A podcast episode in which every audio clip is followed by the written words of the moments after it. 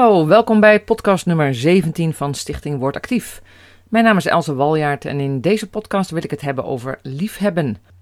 En dan met name over liefhebben in moeilijke tijden, zoals deze pandemie. En dan gericht op liefhebben als christenen onderling. In Johannes 13 staat in vers 34, zegt Jezus, dit is een nieuwe opdracht die ik jullie geef, heb elkaar lief. Heb voor elkaar net zoveel liefde als ik voor jullie heb. Aan de onderlinge liefde zullen de mensen zien dat jullie mijn leerlingen zijn. Nou, dat klinkt als een interessant onderwerp, niet waar?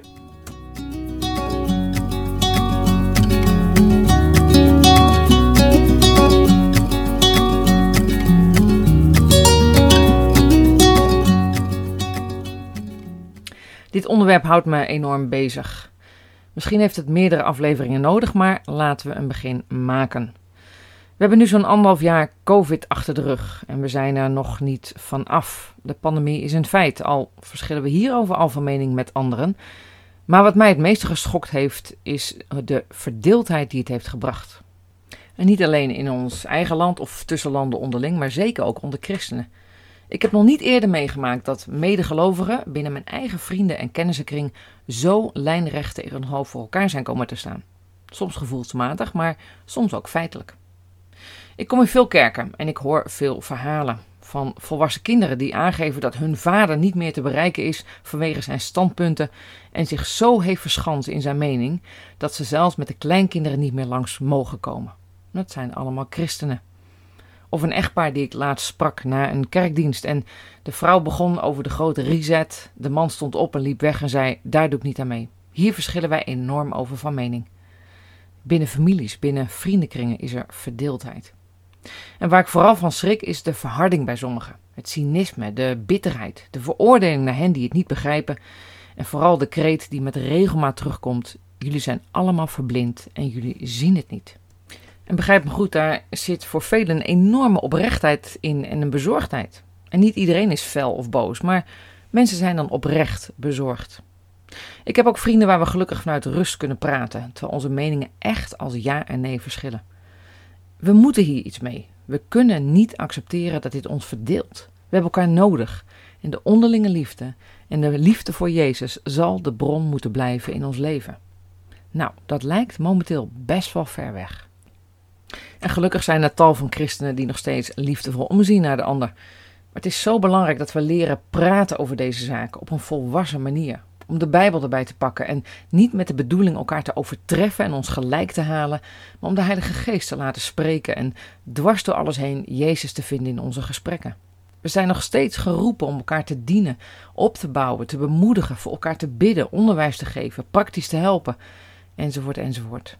Hoe kunnen we dit nu doen met elkaar?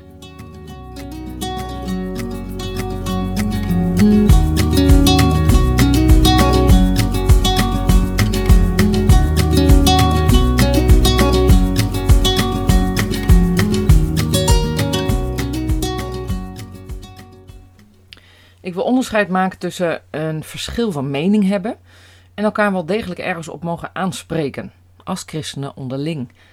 In 1 Corinthians 5 spreekt Paulus over elkaar onderling aanspreken op bepaalde zonden. En dan zegt hij in vers 12: Kijk, ik hoef niet over buitenstaanders te oordelen. Dat zal God wel doen. Dus kennelijk is er een manier van aanspreken die we als christenen onderling mogen doen. En waar zouden we elkaar dan op mogen aanspreken? En wanneer verschillen we gewoon van mening en zullen we elkaar daarin vrij moeten laten? Er staan in het woord wel degelijk voorbeelden hierover over elkaar terechtwijzen. En dan hebben we het over zonde. In 2 Timotheus 2, vanaf vers 24 staat er: Een knecht van de Heer mag geen ruzie maken. Oh oh. Hij moet de mensen die verkeerd doen vriendelijk en geduldig terechtwijzen. Wees daarom nederig als je de mensen die zich verzetten duidelijk de waarheid zegt. Want als je vriendelijk met hen spreekt, is er een kans dat ze met Gods hulp hun verkeerde ideeën zullen loslaten en de waarheid gaan erkennen. Nou, dit kan al genoeg discussie opleveren, maar waar het hier om gaat is dat we elkaar wel degelijk ergens op mogen aanspreken. Ergens op mogen wijzen als we vinden dat iemand dingen doet die tegen Gods principes ingaan. Iemand zondigt. Dat woord zondigt is in sommige kerken al bijna verboden, want we zijn immers allemaal vergeven en gered. Ja, klopt. Zondig heeft te maken met het feit dat we tegen Gods principes ingaan en tegen zijn waarden ingaan. En het is mooi en goed als we elkaar daar liefdevol op kunnen wijzen. In Matthäus 18 vind ik een prachtig voorbeeld staan hoe we dat kunnen doen, nog steeds gebaseerd op liefde. Matthäus 18 legt Jezus prachtig uit hoe we vanuit die liefde elkaar kunnen corrigeren. Vanaf vers 14 staat er dat je in, eh, eerst iemand één op één apart kan nemen om dingen te bespreken. En als iemand dan niet wil luisteren, kan je er één of twee getuigen bij halen. En als iemand dan nog niet wil luisteren, kan je de zaak aan de leiding voorleggen. Dat is een heel mooi principe hoe je dat heel wijs en voorzichtig vanuit liefde kan, kan aanpakken. En nogmaals, gebaseerd op liefde. Ik denk dat we allemaal wel de teksten kennen uit bijvoorbeeld Matthäus 7 over de balk en de splinter en over niet zomaar oordelen, over de splinter in de ogen van een ander, terwijl je misschien zelf een balk in je ogen hebt. Of het verhaal uit Johannes 8 van de overspelige vrouw, waar de fariseeërs hopen dat Jezus die vrouw veroordeelt en ze haar mogen stenigen. En dan zegt Jezus, wie zonder zonde is, mag de eerste steen lopen, gooien. En dan loopt iedereen weg. Het gaat er dus niet om dat we elkaar constant in de gaten gaan houden en direct bovenop springen als we vinden dat iemand zondigt.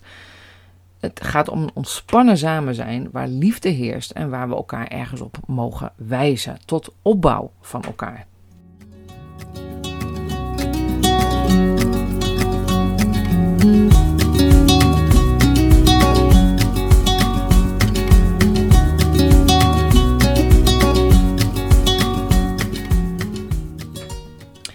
Zo belangrijk dat we wel snappen dat het draait om liefde en om meer op Jezus te willen lijken. Jezus zegt in Johannes 14 dat hij wil dat we doen wat hij zegt en dat we dan bewijzen dat we van hem houden. Nou, dat klinkt als een contradictie. Bewijzen dat je van iemand houdt door te doen wat hij zegt. Klinkt behoorlijk voorwaardelijk. Jezus zegt dit met als voorbeeld dat hij dit exact zo heeft gedaan naar de Vader. Hij gehoorzaamde vader en deed exact wat zijn vader zei, gebaseerd op liefde. Erkennen dat zijn vader het beter wist. En hij wilde vanuit die liefde gehoorzamen. Op die manier wil Jezus graag dat we naar Hem luisteren, vanuit liefde en het geloof en het vertrouwen dat Hij het beter weet en vanuit liefde stuurt en helpt.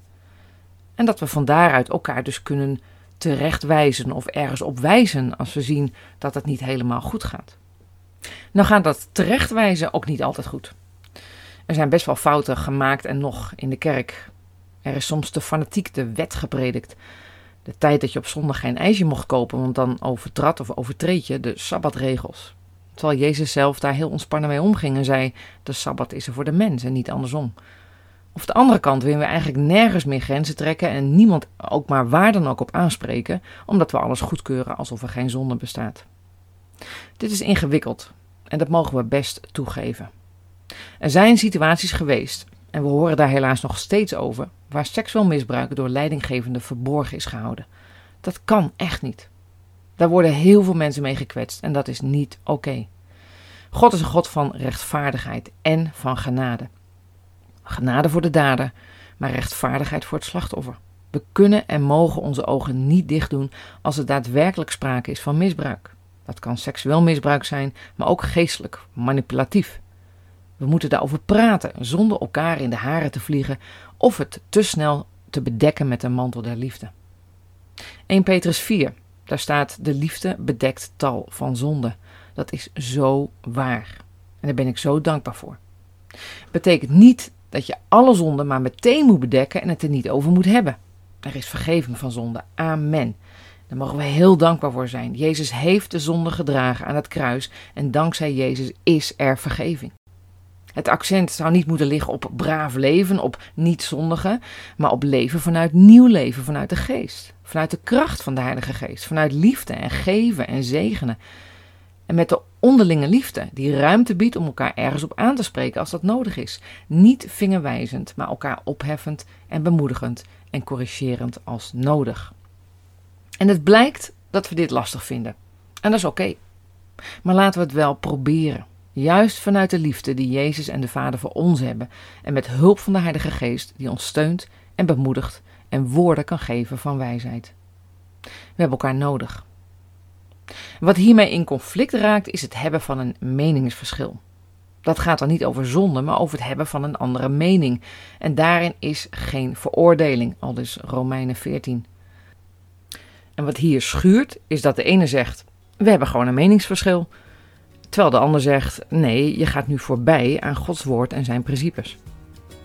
Volgende podcast kom ik daarop terug. Voor nu laten we elkaar blijven zoeken in de liefde van Jezus en de Vader voor ons en de hulp van de Heilige Geest die altijd bij ons is. Tot de volgende keer.